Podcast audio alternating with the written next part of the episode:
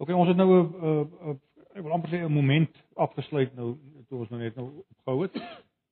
Ehm um, wat nou gaan oor hierdie vier groot kosmiese gebeurtenisse wat ons in die skrif van lees en wat vir ons help om die groter perspektief van God se plan beter te verstaan en selfs te waag om by 'n plek te kom waar ons sê as ons dit in een woord op 'n manier wou probeer opsom dan sou die woord herstel waarskynlik 'n goeie uh omvattende beskrywing wees van dit waarmee God besig is in die wêreld. Nou goed, kom ons gaan nou aan nou kom ons kom ons 'n bietjie nader aan ons aan ons lyf as kerk en as gemeente en as gelowiges. En ehm um, ek het gedink ek wil net so in 2 minute vir julle verduidelik nou waar waar kom die goed nou vandaan waar waarmee ons nou werk of wat is nou eintlik die die die geboortepyne waardeur dit nou gekom het. Ehm um, ek het die voorreg gehad om het, om nou by redelik baie gemeentes te kom so deur die jare en in my in my domheid het, het ek 'n waarneming gemaak wat ek daai tyd nie baie seker van was nie, maar dit het tog vir my dit het tog vir my gelyk asof asof dit miskien geldig is wat ek gesien het of gedink het wat ek sien.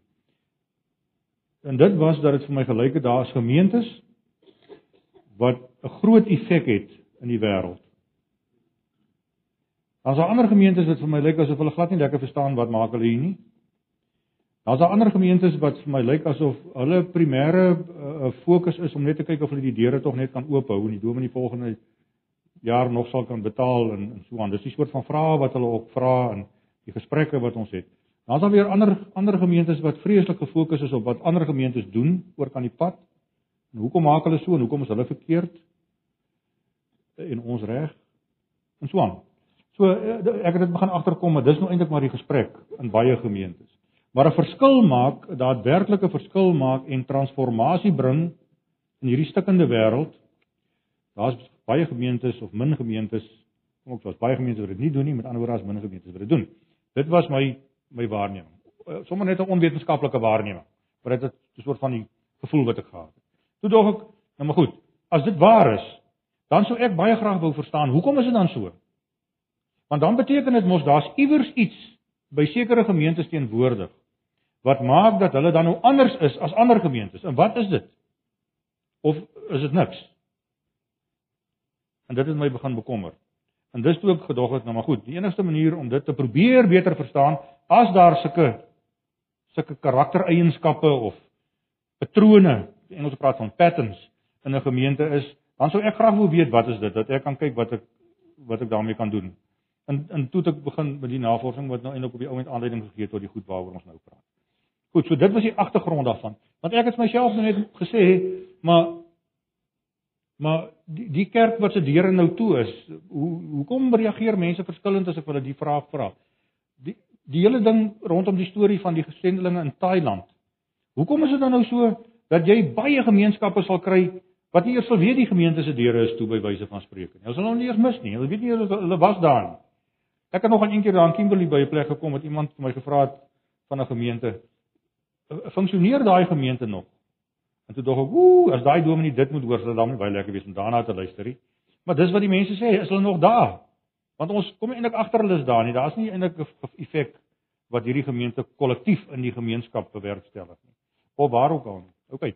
So dis dis die manier hoe ons nou hierby gekom het. Nou wat ek agtergekom het en dis wat ek nog graag met julle wil deel en dis eintlik nou my missie in die lewe is om die navorsingsresultate op 'n manier met gemeentes te deel met die hoop en die gedagte dat miskien kan julle iets daarmee maak en miskien kan julle dit op 'n manier gebruik. So dis nou te klaar my my my my my missie het ek nou gestuit, né? Nee, julle verstaan nou wat soek ek hierso.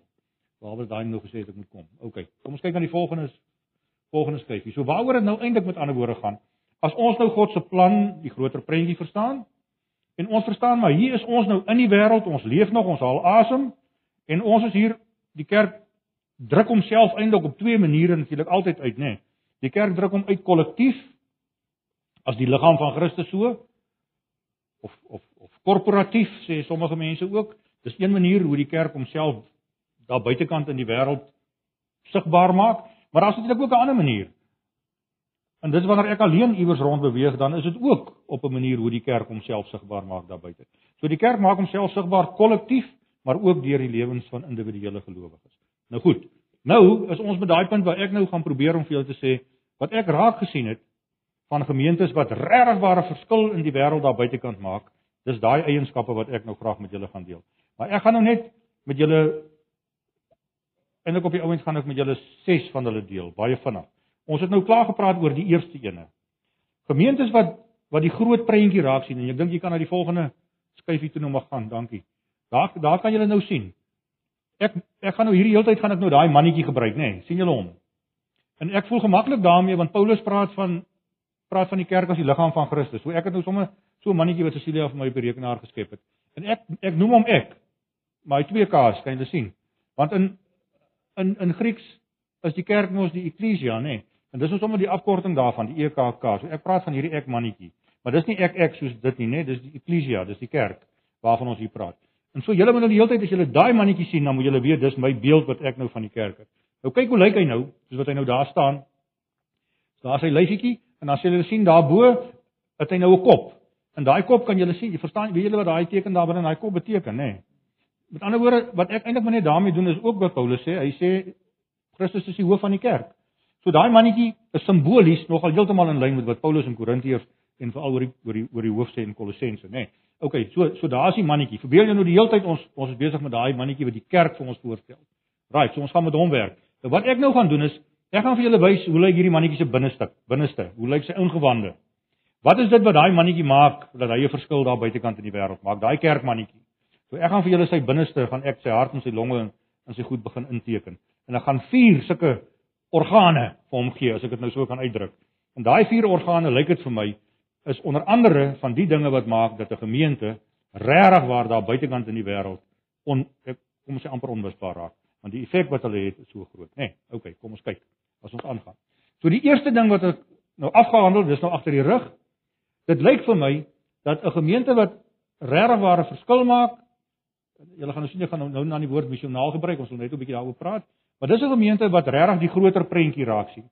As 'n gemeente nie deur die leiers in die gemeente en deur die predikers en die mense, die leraars gehelp word en ook in hulle persoonlike Bybelstudie en ontdekking uit die skrif verstaan dat ek moet die heeltyd die agtergrond van die groter prentjie in gedagte hou as ek na situasies en omstandighede kyk en dit probeer interpreteer. As ons dit nie doen as gemeente nie of as gelowiges nie, dan kan ons verskriklik maklik spoed verloor. En dan raak dinge net regtig net verskriklik deurmekaar en ons verloor fokus. Ons is later aan met goedjies besig wat glad nie eintlik op die agenda moet wees nie. En ek het, ek sien soveel sulke gemeentes want ek is letterlik omtrent elke naweek by 'n ander gemeente. En ek sien dit want ek ek kry genoeg blootstelling daarom om te kan agterkom en my neus is ook nou al goed. Ek ry al lekker wat aangaan by 'n gemeente. Dink ek, vinniger rig. So, dit gebeur by gemeentes dat hulle weet nie lekker wat hulle maak nie, maar ek dink ons verloor die groter perspektief van waarmee is God in die wêreld besig en waar pas ons in. OK, so dis waarmee ons nou gaan besig wees. Raai, die volgende skyfie. Nou, OK. So ons gaan 'n paar van sulke geel skyfies soos daai hê. Wat ek sê is God se mense. Want dis wat die eklesia is, né? Die kerk. Die woord eklesia beteken letterlik net dit, God se mense. So as ons nou 'n mooi woord vir die vir die of 'n mooi beskrywingkie vir die kerk wil hê, dan is dit dit, God se mense. Ek is lief daarvoor want dit is skriftuurlik so korrek. God se mense reageer op hulle gestuurdheid deur Oké, kom ons kyk na die volgende skyfie. En ons gaan nou oor hom praat. Maar nou wil ek gou net hierso stop en ek wil amper ek dink dit is so belangrik dat julle dat julle net mooi my perspektief verstaan van waar uit ek nou beweeg. Een van die mees dramatiese goed wat in die wêreld gebeur rondom sending, noem dit nou maar sending of missiologie as jy dan nou die bietjie grander akademiese term wil gebruik. Die die die groot ding op die oomblik wat in die wêreld gebeur is 'n nuwe herontdekking van die skrif wat sê nou moet julle hoor want dit gaan dalk nou baie vreemd op jou oorval. Die kerk stuur nie sendelinge nie. En dit is 'n radikale ander perspektief, nê. Nee. Die kerk stuur nie sendelinge nie. God stuur die kerk. Daar's 'n uiterlike groot verskil. Want dit beteken in gewone plain plat Afrikaans dat as ek en jy wat nou hier sit, 'n deel is van die gemeente, deel is van die geloofsgemeenskap, beteken dit per definisie net so eenvoudig soos dit dat ek en jy sit hier en staan hier as 'n gestuurde van die Here. Hoekom? Want ek is deel van die liggaam van Christus. Ek is deel van die kerk. En vir 'n lang ruk, vir eeue en eeue en eeue lank, het ons na sending gekyk en mens kan amper sê al die pogings, sommige van hulle bietjie beter, maar die meeste daarvan maar power so deur die geskiedenis van die sending was maar pogings waar ons probeer. Ons probeer dit want die kerk stuur sendelinge hier en daar en deur en probeer sy agendas en sy eie strategie en sy eie dinge doen. Totdat die ontdekking vars en nuut begin kom het by die gelowiges dwars oor die wêreld eindelik op hierdie stadium wat sê nee nee nee, maar dis nie heeltemal die skrif se perspektief nie. Die perspektief is dat God is die stuurder. En nou al 'n hele klomp jaar daarom gelede, 'n klomp dekades gelede het hulle dit so begin verwoord en begin praat van 'n ding wat hulle genoem het die Missio Dei. En die Missio Dei beteken bloot dit, dis God se sending. Dit wat in die wêreld gebeur is God wat aan die werk is. En natuurlik gebruik hy mense, en natuurlik gebruik hy die kerk, en natuurlik gebruik hy mense wat vanuit die kerk in ander plekke gaan werk en die evangelie bring. Natuurlik is dit so. Maar die primêre stuurder is God wat die hele kerk stuur. En die oomblik as ons dit begin verstaan, daarom is ek grillerig as mense van my praat as 'n sendeling. Hulle kan vir my sê ek is 'n sendeling solank hulle ook net verstaan, hulle is ook een. Nie net ek nie. Ek is nie so 'n vreemde dier wat nou sendeling wil wees nie. Ons almal is sulke is dit. Want die Here stuur sy hele kerk. Hy stuur nie net sommige mense nie. Hy stuur sommige om langs 'n operasietafel te staan as 'n chirurg. Hy stuur sommige om voor 'n klaskamer te staan of agter 'n kasregister of wat ook al. Maar die Here stuur mense regdeur. Sy kerk stuur hy. En dan is dit natuurlik daar's baie baie wonderlike skrifverwysings wat dit duidelik maak die ouens gryp nie die goed sommer net uit die lug uit nie. Dis 'n ek wil amper sê dis 'n swaar, goed gefundeerde stuk teologie wat vir ons sê, maar ons het dit miskien bietjie verkeerd verstaan altyd om te dink dis net sommige mense wat gestuur is. Johannes 20 vers 21 As Jesus so staan en hy praat so met die embrio van die kerk, die disippels, na hy nou opgestaan het uit die dood, nê, nee, dan staan hy daar in die bofortrek en dan blaas hy oor hulle en sê ontvang die Heilige Gees en hy sê vrede vir julle En dan sê hy vir hom ons hierdie bekende woorde in vers 21. Soos die Vader my gestuur het, so stuur ek julle. So die die ontdekking waartoe gelowiges meer en meer en meer kom. En dis hoekom ek sê as daar 'n ding is wat die wêreld sal transformeer, dan is dit hierdie ontdekking van hierdie skrif waarheid. Dat elkeen van ons is hier met 'n missie om transformasie te bewerk en deel te wees van God se groot herstelplan in hierdie wêreld. Die oomblik as ons die werk afskuif na ander mense toe, omdat ons hulle stuur of om of ons hulle bydra vir hulle gee of wat ons ook al met hulle doen, dan ons sê okay, nou is hulle weg, doen julle dit nou, ek gaan nou aan ek hou skool. Dan verstaan ek dit nie lekker nie. Dis nie hoe dit werk nie. En ons sal net weer daaroor praat hier reg aan die einde.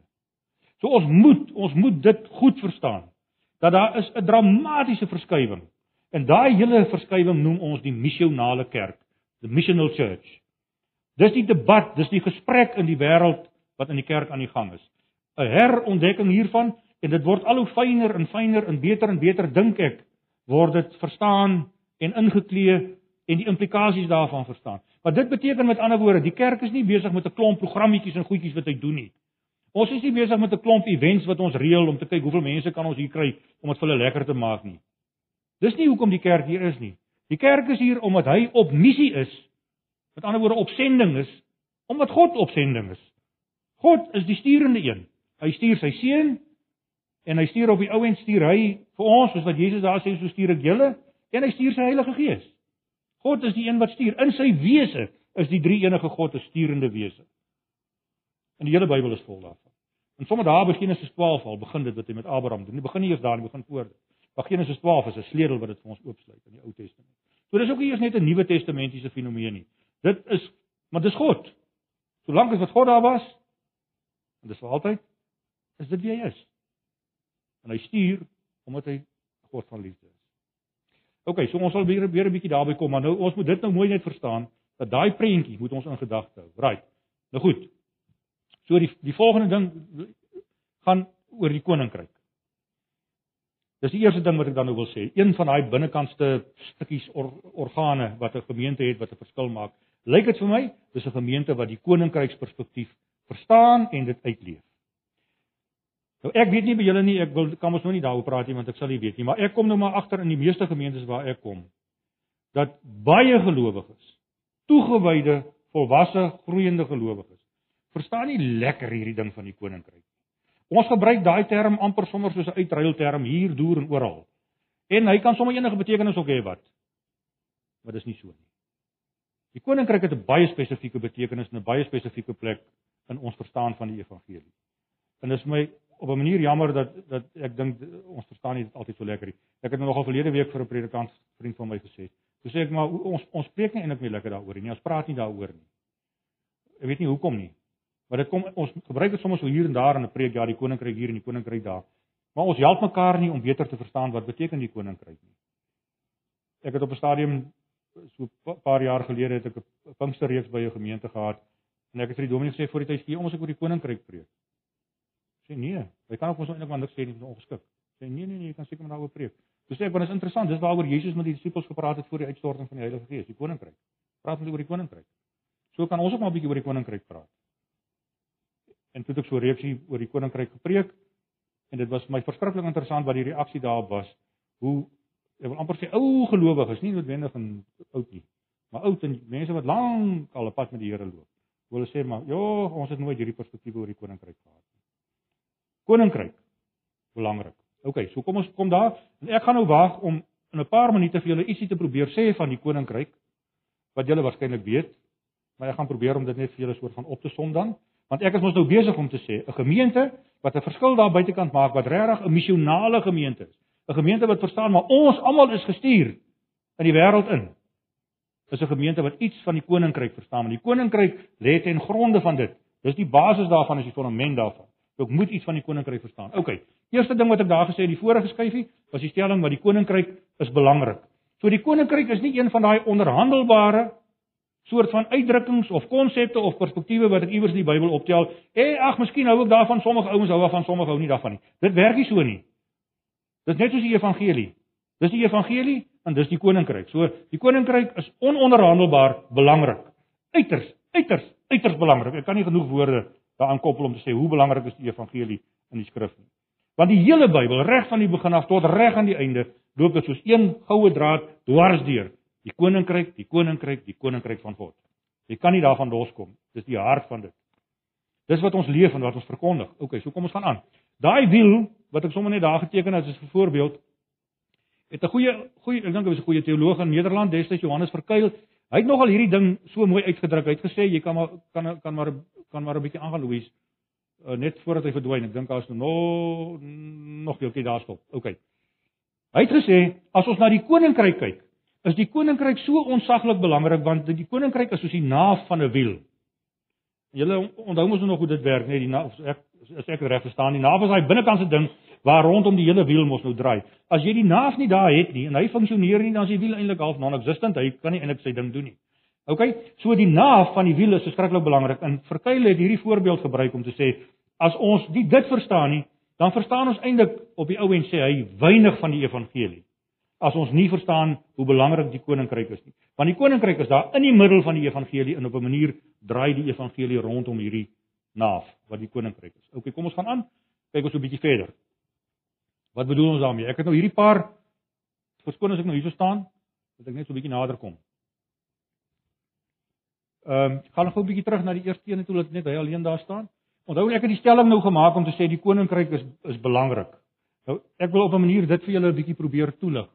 Julle sal onthou in Matteus 6 vers 33 het het hier in die Ou Testament in die ou vertalinge daar gestaan soek allereers die koninkryk van God en sy geregtigheid. Onthou julle dit? Kyk, julle lyk almal vir my oud genoeg om te weet wat in die ou vertaling gestaan het. Nê. Nee.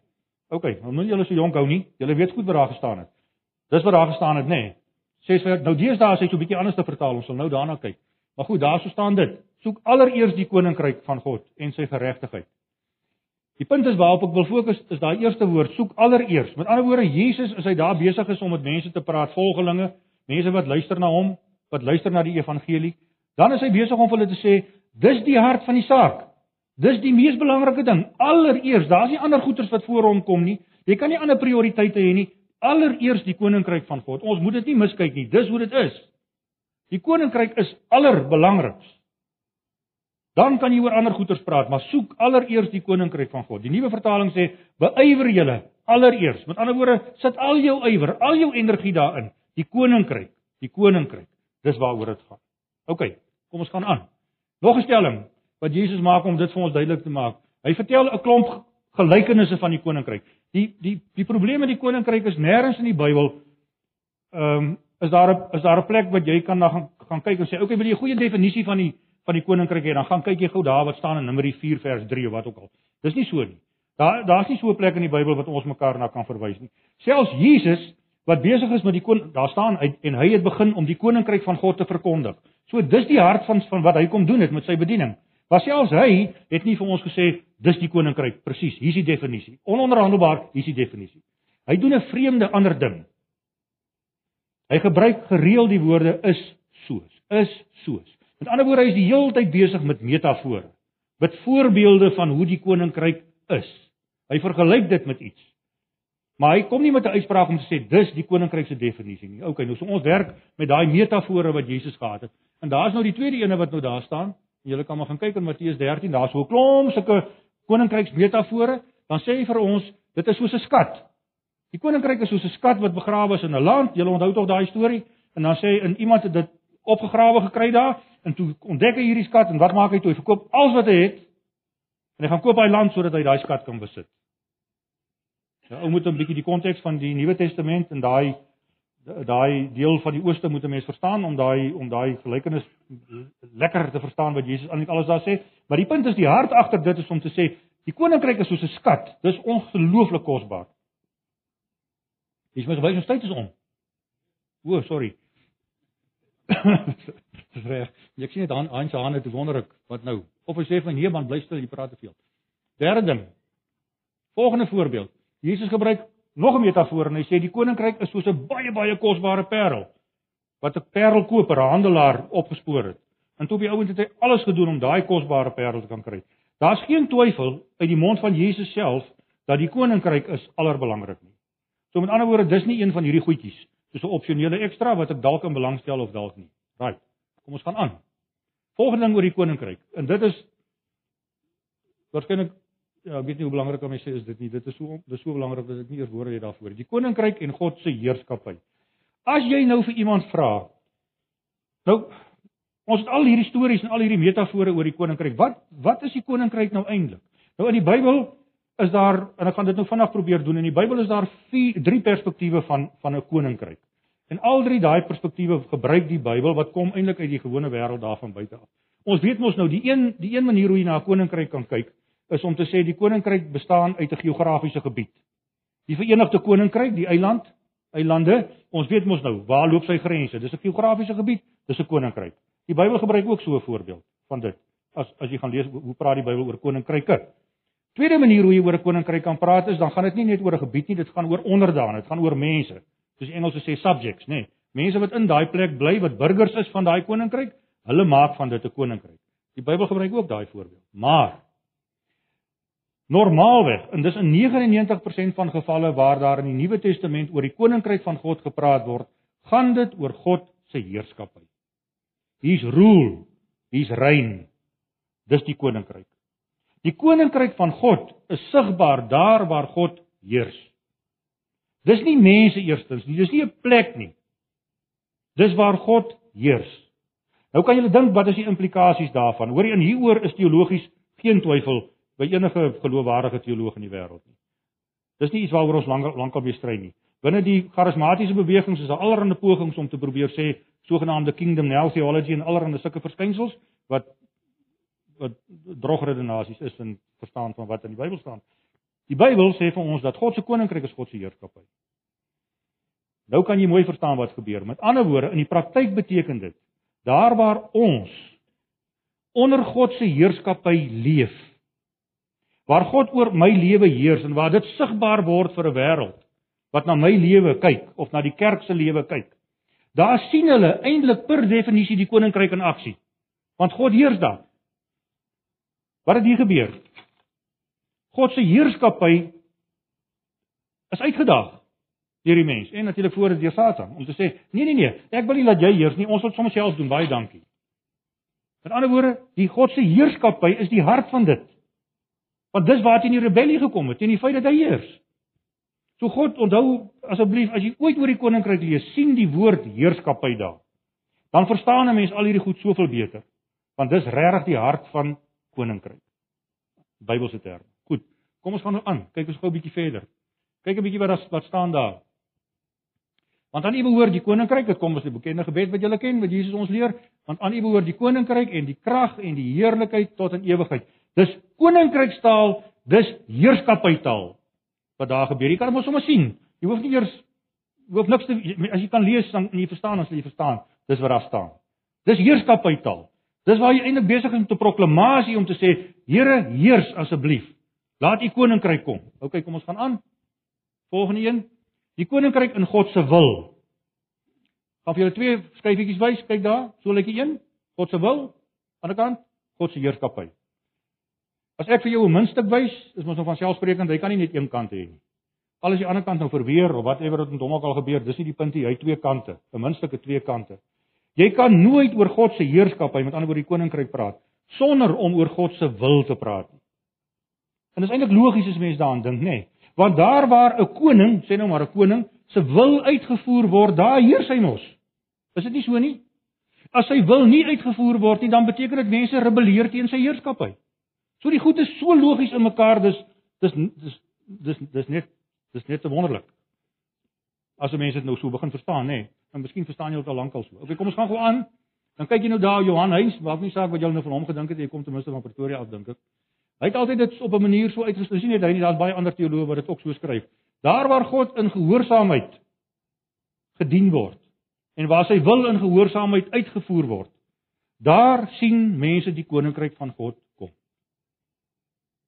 Dis hoe dit is. Nou dit het groot implikasies soos wat ons nou net nou aangaan so ons 'n bietjie verder daaroor praat. Raai, kom ons gaan na die volgende ene toe. Kyk wat nou daar staan. Kom uit dieselfde uit die gebed wat ons almal nou ken. Sommige julle aanbid. Onse Vader wat in die hemel is, laat U naam geheilig word. Laat U koninkryk kom. Laat U wil geskied. Jy kan maar gaan kyk. Dit word normaalweg altyd so gebruik. God se koninkryk, met ander woorde sy heerskappy, God se wil. God se koninkryk, God se wil. Laat die koninkryk kom. Daar waar u koninkryk kom, daar geskied u wil. Ehm um, kom ons gaan gou terug na daai Matteus 6 vers 33. Soek allereers. Onthou julle kyk julle is nog so jonk. Julle het net hoe probeer voorgee julle is jonk. Die nuwe vertaling wat nou uitgekom het toe julle nou jonk was nog, nê. Nee. Daai nuwe vertaling, wat staan daar? Beywer julle allereers vir die koninkryk van God en wat nog? Nee nee. Dink 'n bietjie mooi weer wat staan daar. Dit het in die dit, dit kom later aan, maar soek allereers of beywer julle allereers vir die koninkryk van God en vir die wil van God. Gaan kyk maar. staan daar. Bey jy moet jouself met ander woorde beywer vir God se koninkryk en God se wil. Jy kan hulle nooit losmaak van mekaar nie. Dit is soos 'n muntstuk se twee kante. En jy kan gaan kyk as jy dink ons as jy een weghaal, dan kan die ander een nie eintlik bestaan nie. Heerskappy God se wil. OK. Goed, so dis belangrik. Daai by oor julle, right. Nou raak Louise so goed, sy is sommer voor my al. Volgende ding oor die koninkryk wat baie interessant is en wat op 'n manier moeilik is om te verstaan, maar dit is want dit klink amper op 'n manier ehm um, bietjie teenstrydig, maar ek gaan nou nie lank daarby stil staan nie. Maar een van die eienskappe van die koninkryk soos wat ons dit in die skrif kry, Het die Engelse nou dit op 'n manier so verwoord. Ons het nou nog nie lekker 'n mooi Afrikaanse manier om dit te sê, vermoed ek. Hulle sê the kingdom is yet but not yet. Nou dit klink mos nou snaaks, hoe op dese aarde kan dit wees? Maar op 'n manier is dit waar en as jy mooi dink, dan gaan jy agterkom dat dit maak op 'n manier sin. Want die koninkryk van God is mos nog hierdie. Hy is mos nog hier so nie. Ek stamp my nog steeds teen hierdie stukke elke dag. Ek het nog steeds elke dag te doen met mense wat vir my bel of my sê die een is besig om dood te gaan en daai een het kanker. Wat is dit? Dis die stikkindheid van Genesis 3. So die koninkryk lyk nog nie so nie. Jesus het vir ons kom wys hoe gaan hy eendag lyk, die belofte van die koninkryk wat kom. Maar die koninkryk is nog nie so nie. Maar op 'n manier is die koninkryk reeds hier. Want elke keer as ek en jy in gehoorsaamheid aan die Here in liefde na iemand toe uitreik byvoorbeeld of op watter manier al sy heerskappy oor my lewe sigbaar maak, wat gebeur dan? As die koninkryk daar. So die koninkryk is hier by tye sigbaar deur die kerk in die wêreld. Maar in sy volheid kom hy in Openbaring 21. Jet wat not yet. vreemd om daarna te daaraan te dink, maar dit is soos wat dit is. Hy's nog nie hier nie. Hy kom nog. Nou daar is nou sommige charismatiese kringe wat beweer die koninkryk is hier in al sy volheid, volheid daai sogenaamde kingdom now theology met al sy skeefheid. OK. Daarom leer Jesus ons bid, laat u koninkryk kom. Hy sê mos nie vir ons sê laat die koninkryk kom moet ons bid as hy klaar hier is nie. Hy's nog hier. Hy kom nog. Openbaring 21 is nog hier. Dis hoekom die Nuwe Testamentiese Christene mekaar gegroet het en gesê "Maranatha, hy kom weer, die koning kom weer." In die oomblik as die koning kom, dan kom sit hy op sy troon en dan heers hy in sy volheid. Dan is die koninkryk hier in al sy glorie. Maar hy's nog nie hier nie. Nog nie so nie. OK? Dis ook interessant en op 'n manier teenstrydig. 'n Ander eienskap van die koninkryk. Die koninkryk is inklusief. Met ander woorde, dit sluit alle mense in. Maar op 'n manier sluit die koninkryk nie alle mense in nie. Daar's mense wat verlore gaan. Dis 'n vreemde ding van die koninkryk, nê? Nee, Hy's inklusief maar eksklusief. Kom ons kyk gou na voorbeelde in die Bybel wat dit vir ons verklaar en verduidelik en julle kan mos nou maar later aan gaan lees as as julle nou wil. Ehm um, Daai gelykenis wat Jesus vertel het ook oor die koninkryk want hy vertel hy klomp gelykenisse oor die koninkryk so. Onthou julle die een wat hy vertel van die visse? As jy 'n groot ou net uitgegooi. En toe vang hulle groot klomp vis, verskeidenheid van vis staan daar. Allerhande soorte vis. En toe trek hulle al daai vis uit. Met ander woorde, dis inklusief, nê? Nee. Hulle het nie daar in die water, o nee nee, daai vis ek nie inswem nie, swem jy uit en so. Dit is so gewerk nie. Al die visse, al die visse is gevang.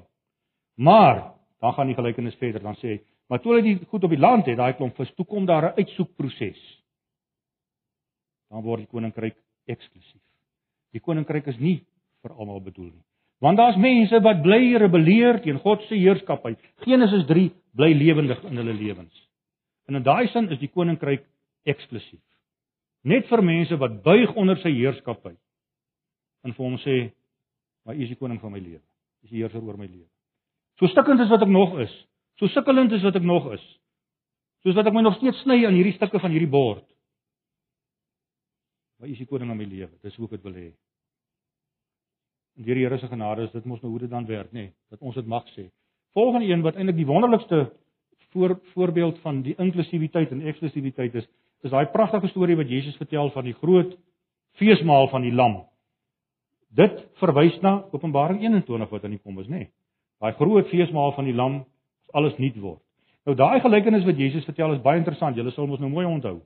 Hy hy stuur eers sy slawe uit en dan gaan nooi hulle nou mense, die ouens wat jy nou sou dink is nou die regte mense om te nooi. Hulle maak die regte geluide en die regte klere aan en so aan. Hy gaan nooi hulle. Maar hulle wil nie lekker kom nie. En dan stuur hy nog en nog en later dan maak hulle sommer van hulle dood en so gaan hulle aan. Dis eintlik 'n vreeslike deurmekaar spel. Later aan die arme koning, niemand wil meer kom nie, maar dan sê hy: "Wat julle nou moet doen, gaan op die straathoeke, nooi elke mens wat julle teekom. Almal. Julle moet niemand oorslaan nie. Hoe lyk die koninkryk? Inklusief. Almal word genooi. Moet niemand oorslaan nie. Julle moet vir almal sê hulle is welkom by die feesmaal van die Lam. En dan gaan hulle en hulle gaan nooi en hulle gaan nooi en die mense kom en hulle maak die daai groot fees uh, auditorium of eetsaal of wat jy dit ook al wil noem, maak hulle vol met gaste van elke soort en kleur en plek in die wêreld. Daar sit hulle. Tekenend van dit wat eendag gaan gebeur waarvan ons ook lees in Openbaring 7, nê. Nee. Maar dan as dit nou by daai punt kom, dan kom die koning ons in, onthou julle. En dan sien hy een of ander siel wat daar ingeklip het wat jy daar hoor nie. En hy gebruik die voorbeeld of eintlik die metafoor van 'n ou wat nog nie die regte klere aan het nie. Dan stap die koning na hom toe sê: "Hoe het jy hier aangekom? Jy kan mos nie so inkom nie. Kyk hoe lyk jy." En dan op die ou end dan word hy uitgegooi en dan is daai interessante stuk van die geween en gekners van tande. Want hy die koninkryk is hoe eksklusief. Eksklusief. Hy is nie welkom nie. Want hy het nie Dis eintlik wat gebeur, né? Die storie is dit Maar op die ou en wat eintlik die inhoud daarvan is, is hy het nie gebuig voor die koning nie. Hy's nie reg nie. Hy's nie daar omdat hy onder die koning se heerskappy wil leef. Hy het daar ingeglip. Daar's nie plek vir inglippers nie. Daar's plek vir mense wat onder sy koningskap wil buig en binne sy heerskappy wil lewe. So gebroke as wat ons ook al is. OK, so, dis 'n ander eienskap van die koninkryk, inklusief en eksklusief. Right. Nou kom ons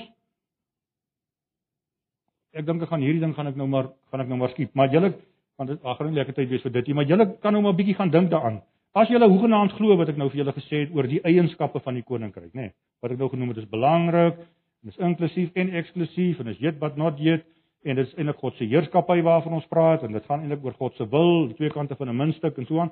As ons al daai goeters nou so mooi in ons koppe bymekaar het en ons sê, "Oké, okay, het ons nou 'n beeld van die koninkryk en daar's nog 'n ander beelde wat Jesus ook daarvan gee wat mens maar gaan bylees, maar ek het dit nog nie met julle bepraat nie. As mens na daai beeld van die koninkryk kyk, dan kan jy bietjie gaan kyk hoe jy die koninkryk kan ek wil amper sê kan ek nou die Engelse woord gebruik superimpose. Jy kan die hele koninkryksgedagte so bo-oor ons storie waarmee ons begin het gooi. Genesis 1, God se koninkryk. Genesis 3 wat gebeur met God se koninkryk. Jesus kom, wat gebeur met God se koninkryk? Openbaring 21, wat gebeur met God se koninkryk? Regdeur kan jy met die koninkryksgedagte werk. Nou ek het net of julle gesê ons sal daarby kom. Kom ons kyk net gou na die volgende skyfie. Daar kan julle byvoorbeeld sien, ek dink dis ek kan nie nou lekker lees nie, maar ek dink dis waar Jesus sê hy gaan op die troon sit, nê?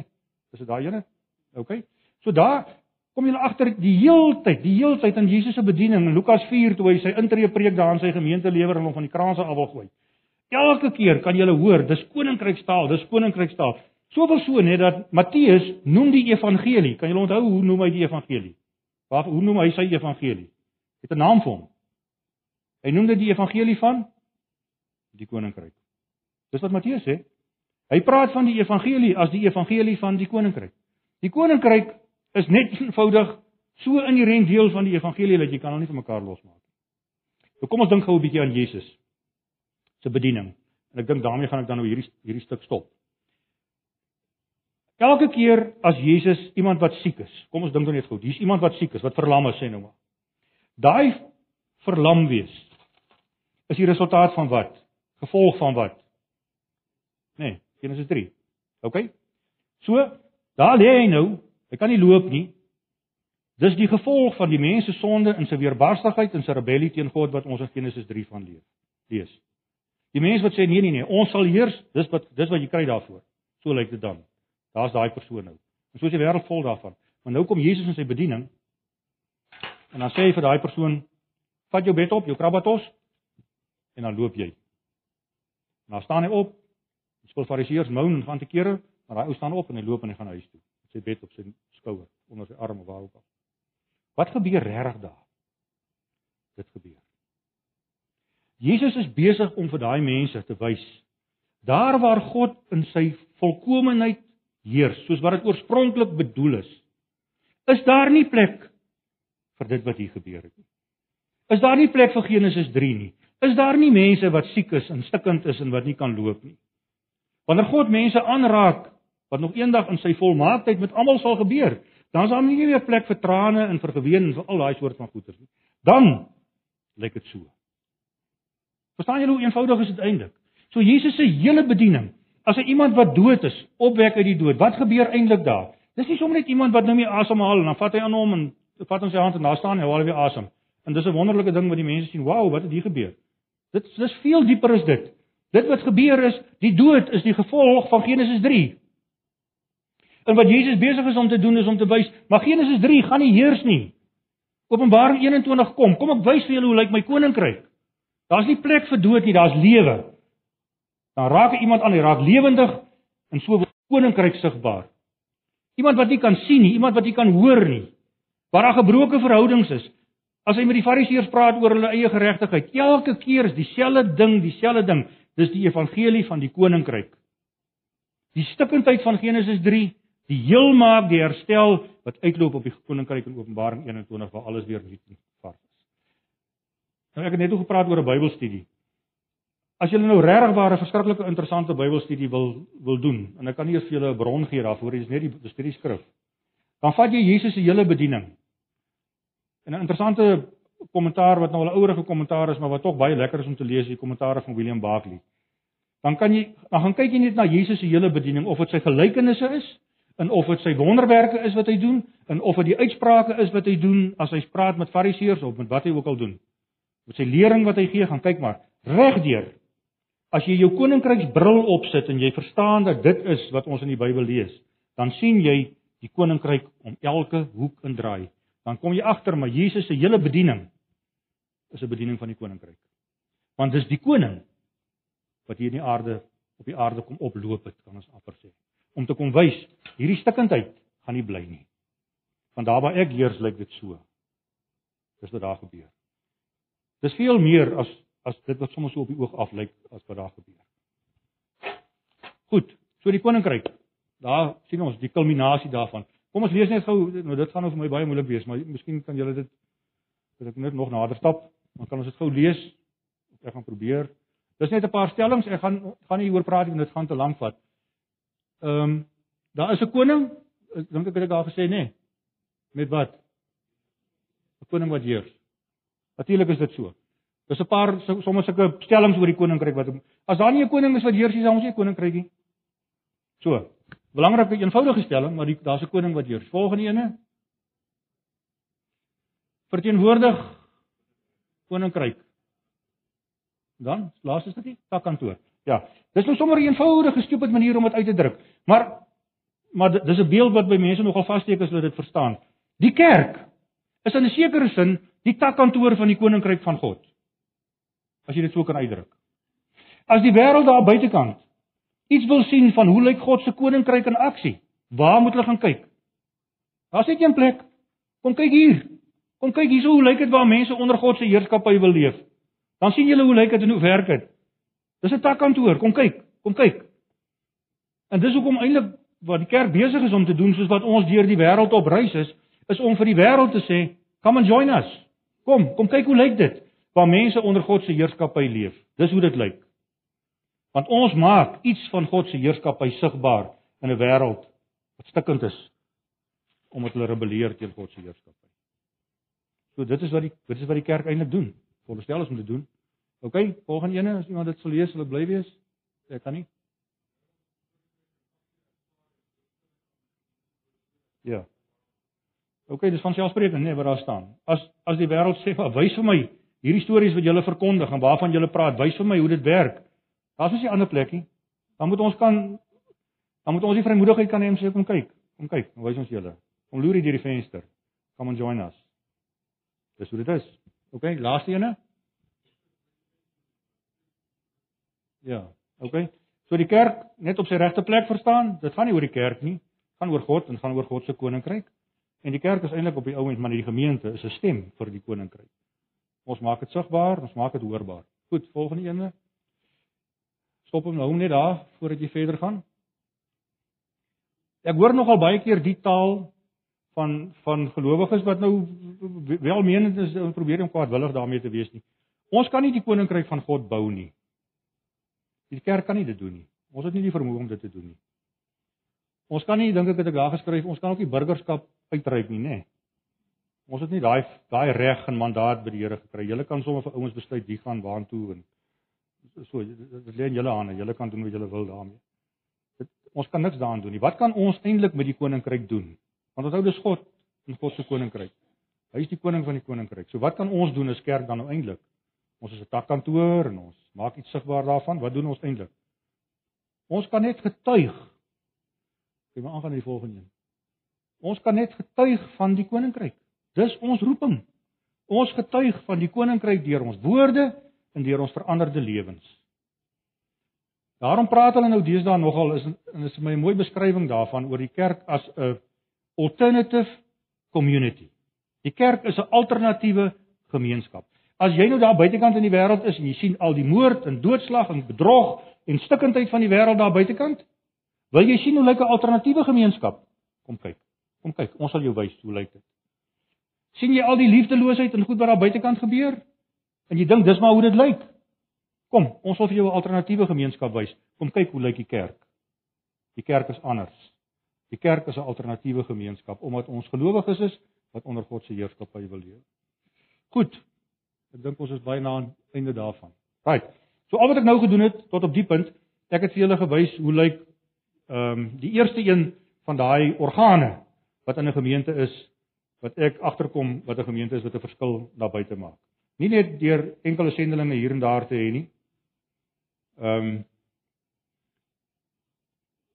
Ek dink nou sommer terug toe toe ek op 'n stadium met die navorsing besig was, het ek sulke het ek baie gemeentes besoek en ek het bosberade bygewoon wat ek nie van gehou het nie en ek het gebedsessies bygewoon wat ek ook soms nie van gehou het nie en ek het al ek het kerkraadsvergaderings bygewoon wat ek glad nie van gehou het nie nêrens nie ek hou nie van kerkraadsvergaderings nie behalwe in die gemeente waar ek is is dit lekker maar ander gemeentes is nie lekker nie in in so ek het klomp sulke goeters gedoen in daai paar jaar wat ek nou met die navorsing besig was. En ek sal nooit vergeet nie, ek kom by 'n baie prominente gemeente in hier naby julle rond. Ehm uh, maar ek dink baie van julle gaan nou dink ek praat van Morletta. Ek was by hulle ook, maar dis nie hy nie, hoor. Ek kom ek kom by die gemeente en ek sit daar en hulle het 'n klomp ek gaan ook nie die titels van die ouens sê nie, want dan weet julle dalk wie dit is. Daar's daar sit die klomp leraars sit nou daar. Ek het 'n vergadering met hulle. Dit is 'n klomp, 12, 15 van hulle wat by die gemeente is. En die eerste ding wat die senior leraar in die gemeente toe nou vir my sê, want dis nou waarmee hy my toe wil beïndruk. Hy sê vir my ons in die gemeente het nou hierdie jaar 115 sendelinge. En toe verwag hy ek moet seker nou sê, "Wow, dis die ultimate." Jy hoef nie verder te gaan nie. Dis presies dit. Dis eintlik wat ek wil gehoor het want ek wil graag probeer 'n bydrae maak om ander gemeentes ook soos julle te kry. Maar dis nie so nie. Hy verstaan nie lekker nie. Dis wonderlik dat hulle 110 of 15 of wat se sendelinge hulle het wat waar ook al werk en hoe hulle ondersteun en hulle bid, dis fantasties. Dis reg. Maar die punt is in daai gemeente en dis die hart van die saak, sit waarskynlik op 'n Sondagoggend 6 of 7000 sendelinge. En wat hulle hoor is hoor jy ons kan trots wees want ons het sendelinge in die veld, maar dis dis dis 'n klein deeltjie van die storie. Die groot deel van die storie is die 6000 sendelinge wat net nou hier uitstap uit die straat in en wat die koninkryk van God moet gaan sigbaar maak in 'n wêreld daar buitekant wat nie hoop het nie. Al wat hulle sien en al wat hulle beleef is dit. Dis die kerk. As ons nie daai sprong kan maak met ons kop en met ons verstaan nie. As ek nie by daai punt kan kom waar ek agterkom maar daar word nie nou van ander mense gepraat nie. Daar word nie nou van sendelinge gepraat wat 'n ander soort van spesies is. Ek weet daarom van hulle, maar maar dis nou nie ek nie. Dis so as ons nog by daai punt is, dan gaan die goed nooit grond raak nie, hoor. Ons moet iewers in ons lewe by die punt kom waar ons verstaan dat die Bybel leer ons dat ek is 'n gestuurde. Want God is 'n sturende God. Dis God se aard, sy attribute. God stuur die kerk. En omdat ek die kerk is, is ek met ander woorde 'n gestuurde. OK, ons kom nou by die volgende is julle moorig of hoe? Kan julle nog oorleef? Hoe lank nou nog? vir die volgende sessie? 7 minute. Dis ook maar nie seker nie. 5 minute, 7, 10 minute. OK, maar so, min of meer dit. Kom ons lei lei net die volgende een in. Right. Ons is nou terug by daai punt waar ons sê hoe lyk 'n gemeente wat 'n verskil maak se eienskappe? Die eerste ding is, dit lyk vir my, hulle sien die groter prentjie van God se plan. Hulle verstaan gaan oor herstel. Volgende ding is, hulle vertoon iets van die koninkryk van God. Nou is ons by daai by daai tweede ene. Nou kan ek nie onthou wat ek nou ek weet wat dit is, maar ek kan nie onthou hoe ek dit beskryf het hier onder nie. Hm? Hulle weet wie hulle is. Nou gaan ek afsluit met 'n storie en dan gaan ons nou hierdie volgende groot breek vat. Jy kan maar na die volgende prentjie toe gaan. Ons stop hier net daar. Die Engels het mos so uitdruk met hulle sê no names no pack drill, nee, so ek gaan geen name noem van geen kerke, van geen mense, van niks nie. Maar dis 'n ware verhaal wat gebeur het en gaan dit vir julle vertel en ek hoop op 'n manier raak dit jou. Daar's 'n gemeente iewers uh en julle kom ek sê dis 'n NG gemeente dan sal julle nou die die die die die strukture mos nou verstaan. So die gemeente is nou deel van 'n ring. Dit werk mos so. Nee? Nou die ring of kom ek sê eers so, die gemeente se lidmate is baie arm. Regtig is arme mense, baie arme mense. So hulle het nie hulle nie baie geld nie. Hulle inkomste is baie min. So hulle kan nie meer 'n dominee bekostig nie. So hulle het toe nie meer 'n dominee nie. Maar die gemeente is nog daar en dis 'n gemeente van 800 lidmate. Was nie dominee nie. Toe besluit die ring. Nee nee nee. So gemeente het mos nog nie bestaansreg nie. Jy kan mos nie bestaan as jy nie kan predikant hê nie. Kyk as mos 'n kwalifikasie nê. Nee. Jy moet 'n predikant kan bekostig dan dan kwalifiseer jy mos om kerk te wees. OK, so daar werk dit ook nog so. So hulle kan nie 'n dominee se salaris betaal nie. Daar moet hulle nie die kerk nie. Hm, dis logies. Dis mos wat die Bybel sê. Dominee maak jy by die kerk. OK. Right, so daai is toe nou nie die kerk meer nie. Nou die enigste manier hoe hulle hierdie dilemma kan hanteer, daai 800 lidmate moet maar self besluit waar hulle nou in die stad waar ek nou van praat, moet hulle hulle self nou gaan tuisvind, dat hulle net kan skatter, net ontslaak kan raak van die ding wat ons hierdie gemeente genoem het. OK. Maar nou het hulle toe ongelukkige dominee. Maar die dominee sorg vir homself. Hy het 'n paar ander eisters in die vuur wat maak dat hy nie die gemeenskap gemeente nodig het om vir hom 'n salaris te betaal nie. So hy bedien hulle voltyds net so doodnormale dominee en sy goedjies gaan maar aan en so kry hy nou sy vel en been aan mekaar gehou. Baie dinamiese ou en hy kom na my toe en hy sê Dis die situasie in die gemeente, die ring wil die gemeente toemaak. Hy sê dis uh, ons ons weet nie moet ons maak nie ons het 'n kamp, kerkraadskamp. Wil jy nie asseblief by die kamp met ons kom praat met die kerkraad nie?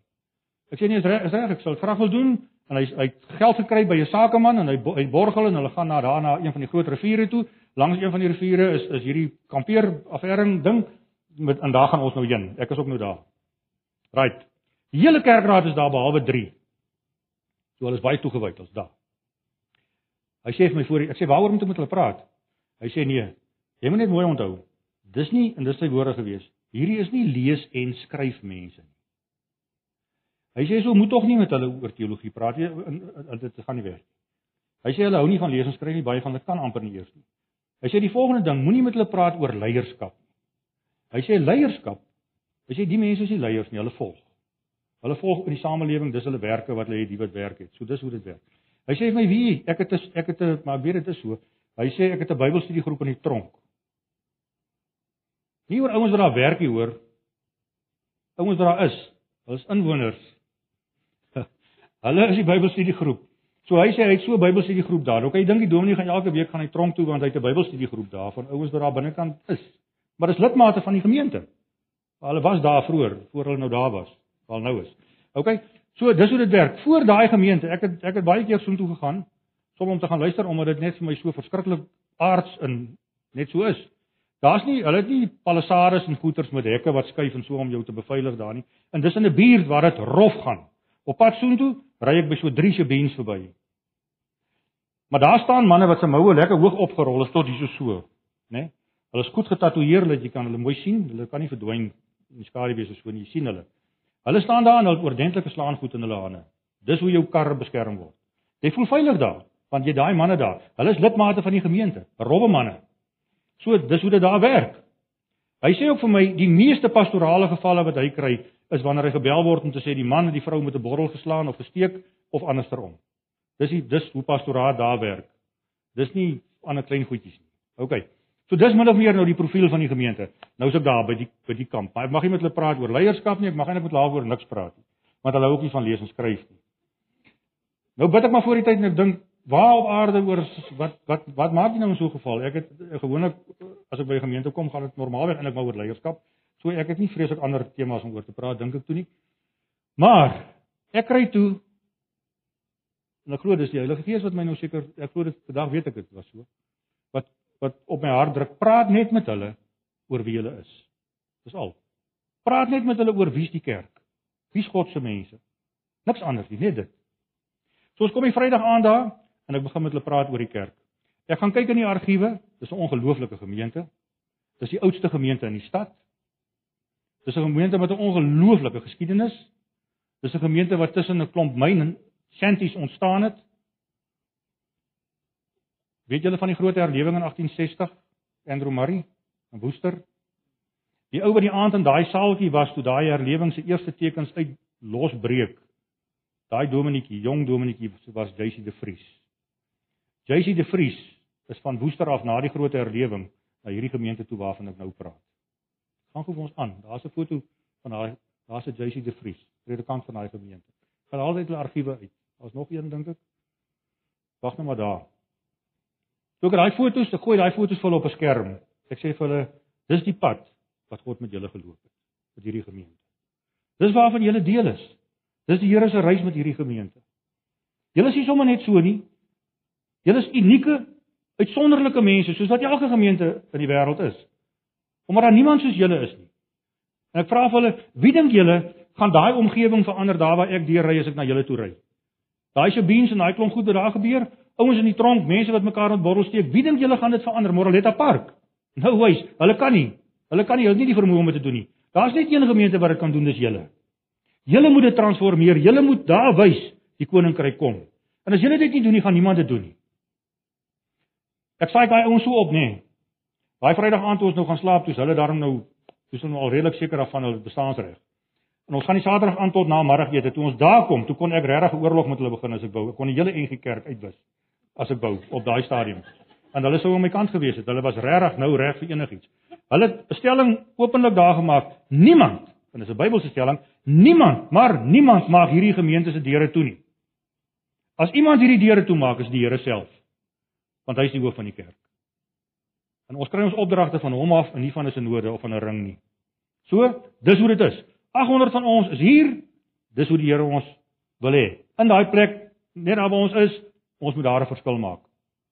Daar's ons klaar Saterdagmiddag. Die Sondag volg son volg so twee Sondag, die Sondag daarna preek ek in in, in Natal. En ek bel my gesin die aand. Weet julle agterkom die gemeentes in Kimberley. Ek bel ek bel die aand daar van Natal af en ek bel huis toe en ek praat my seun. My seun het altyd ook gehou om na die gemeente toe te gaan want hy sê vir my pa, maar dis rou mense. Dis mense. Dis nie mense met fiteriasies en goedjies en dan is dis mense. Soos what you see is what you get. Dis mense. En hy wil daar wees. Dis hoekom ek ook van hulle hou. Ek sê, "Waar was jy in die kerk?" Nee, sê pa, ek was daar. Hy sê, "Pa, jy glo wat daar nie gebeur is nie." Ek sê, "Wat gebeur?" Hy sê, "Nee." Hy sê, "Daar's nie plek gewees toe ek in die kerk kom nie." Hy sê ek het agter by die orgel het ek gesit. En hy ken hoe die dominee ook gaan hom sy naam noem nie. Hy sê hy staan op 'n kassietjie want jy kan nie sien nie dan daar's mense sit op plekke waar daar nie sitplekke is nie. Dis nie oor wat ek met hulle gedoen het, jy hoor, moenie my misverstaan nie. Dis nie dit nie. Al wat gebeur het, dink ek, dat 'n skrifgetroue ontdekking ontstaan tussen daai leiers en hulle het dit reg gekry om oor te dra na daai mense wat in daai gemeente is. Wie is God se mense? Nou ek wil nou vir julle sê broeders en susters as ek dit nou so mag doen. As daar een sleutel is wat die kerk ontsluit om die wêreld te transformeer, vreemd genoeg, lê dit opgesluit in hierdie eintlik verskriklike eenvoudige beginsel. Ons moet verstaan wie ons is. Ons moet ons identiteit verstaan. Ek sien dit deur 'n klomp jare in bediening. Die oomblik as 'n gemeente dit begin verstaan en aanvaar, dan gebeur daar goed binne 'n gemeente wat van tevore nog nooit gebeur het nie. En my groot poging is onsuksesvol waarskynlik, maar my groot poging is om gemeentes te probeer sê, moet tog asseblief nie die modelle van ander gemeentes probeer volg nie. En nou die enige kerk waar ek nou baie baie tyd spandeer, is is dit nou maar hoe dit werk. Daar's sulke paar sulke sogenaamde modelgemeentes wat ons nou almal dink nou daar gaan dit grand. Dit gaan nie grand nie. Dis nie so nie. En wat ek wat ek altyd probeer sê is die grootste fout wat ons kan maak is om 'n ander gemeente se model te vat en te dink maar dis hoe ons ook moet wees. Ons moenie so wees nie. Ons moet dit wees wat die Here ons bedoel het om te wees. Want niemand anders is soos julle nie. En niemand anders is in hierdie konteks waarin julle is nie. En daar is nie nog 'n gemeente in die wêreld wat so saamgestel is met sulke mense met hierdie vermoëns en hierdie kwaliteite en hierdie ervaring en hierdie wat ook al die Here alles vir julle gee nie. Gawes en talente nie. Julle is heeltemal totaal uniek. Nooit weer kan daar so 'n gemeente wees soos die ene nie. En die oomblik as ons dit vasvat, dan saam met daai wonderlike ontdekking kom daar 'n besef van die genade wat saam met dit gaan en die verantwoordelikheid wat saam met dit gaan. Ek hoop ek sien julle weer net op.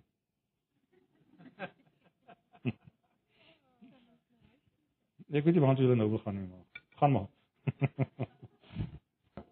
Die rebellie van die mens teen God en sê ek wil eintlik God wees, nê. Nee, dis waarmee ons saamleef. Dis hoekom dit so lyk. Stukken. OK. Maar toe kom Jesus en kyk nou wat nou gebeur. Simbolies.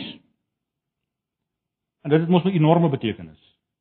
Waar die Satan deur Genesis 3 probeer het om 'n kruis te trek, so 'n kruis, kan ek amper nou maar sê, deur God se volmaakte skepingswerk, kom Jesus in hierdie moment wat hy die aarde betree, en kom trek God baie sigbaar so 'n kruis deur Genesis 3.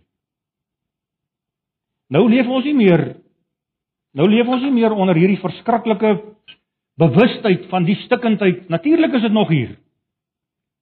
Maar ons is nie sonder hoop nie, soos Paulus sê. Ons lewe met hoop want ons weet dit kom. En dis die groot verskil tussen ons en ander mense in die wêreld wat ongelowig is. Ons verstaan iets van 'n groter kosmiese prentjie. OK, so kom ons gaan aan na die volgende skyfie. En as jy nou nie as 'n mens nog nie kan raak sien dat oor daai stukkie simboliek wat ek daar geteken het, staan die woord herstel groot en duidelik en helder nie. Dis God se groot herstelplan in die wêreld wat op so 'n manier sigbaar word toe Jesus kom en sterf en deur sy kruis 'n kruis kom trek deur Genesis 3. OK, kom ons gaan aan. En natuurlik, toe hy daar hang en hy sê daai woorde, dit is volbring. Wat het eintlik kom wat het eintlik kom doen? Dit waarvoor hy gekom het is nou volbring. Hy hy het vir die wêreld eintlik kom wys. Openbaring 21 kom. OK, so ons gaan hom probeer klaarmaak tot dalk ons gaan vorentoe. Ek dink oor daai woorde van Jesus kan mens herstel net so lekker skryf. Want dis wat dit is. OK, nou as jy na daai prentjie kyk, dan gaan jy nou sien dat wat ek probeer wys daarmee, jy kan maar weer die ding druk. Dat daar is Openbaring 21 21 op die kant. En wat ek probeer sê het is dit wat Jesus kom doen het. Dit wat Jesus in sy bediening kom doen het, ons sal nou nou gou vinnig weer daarna kyk. Is eintlik besig om vir ons heen te wys na dit. Na Openbaring 21 wat kom. En ons sal dis 'n baie interessante Bybelstudie as jy op 'n kol wonder wat jy kan doen. Is dit nogal baie interessant ons kyk net of net so vinnig weer daarna verwys.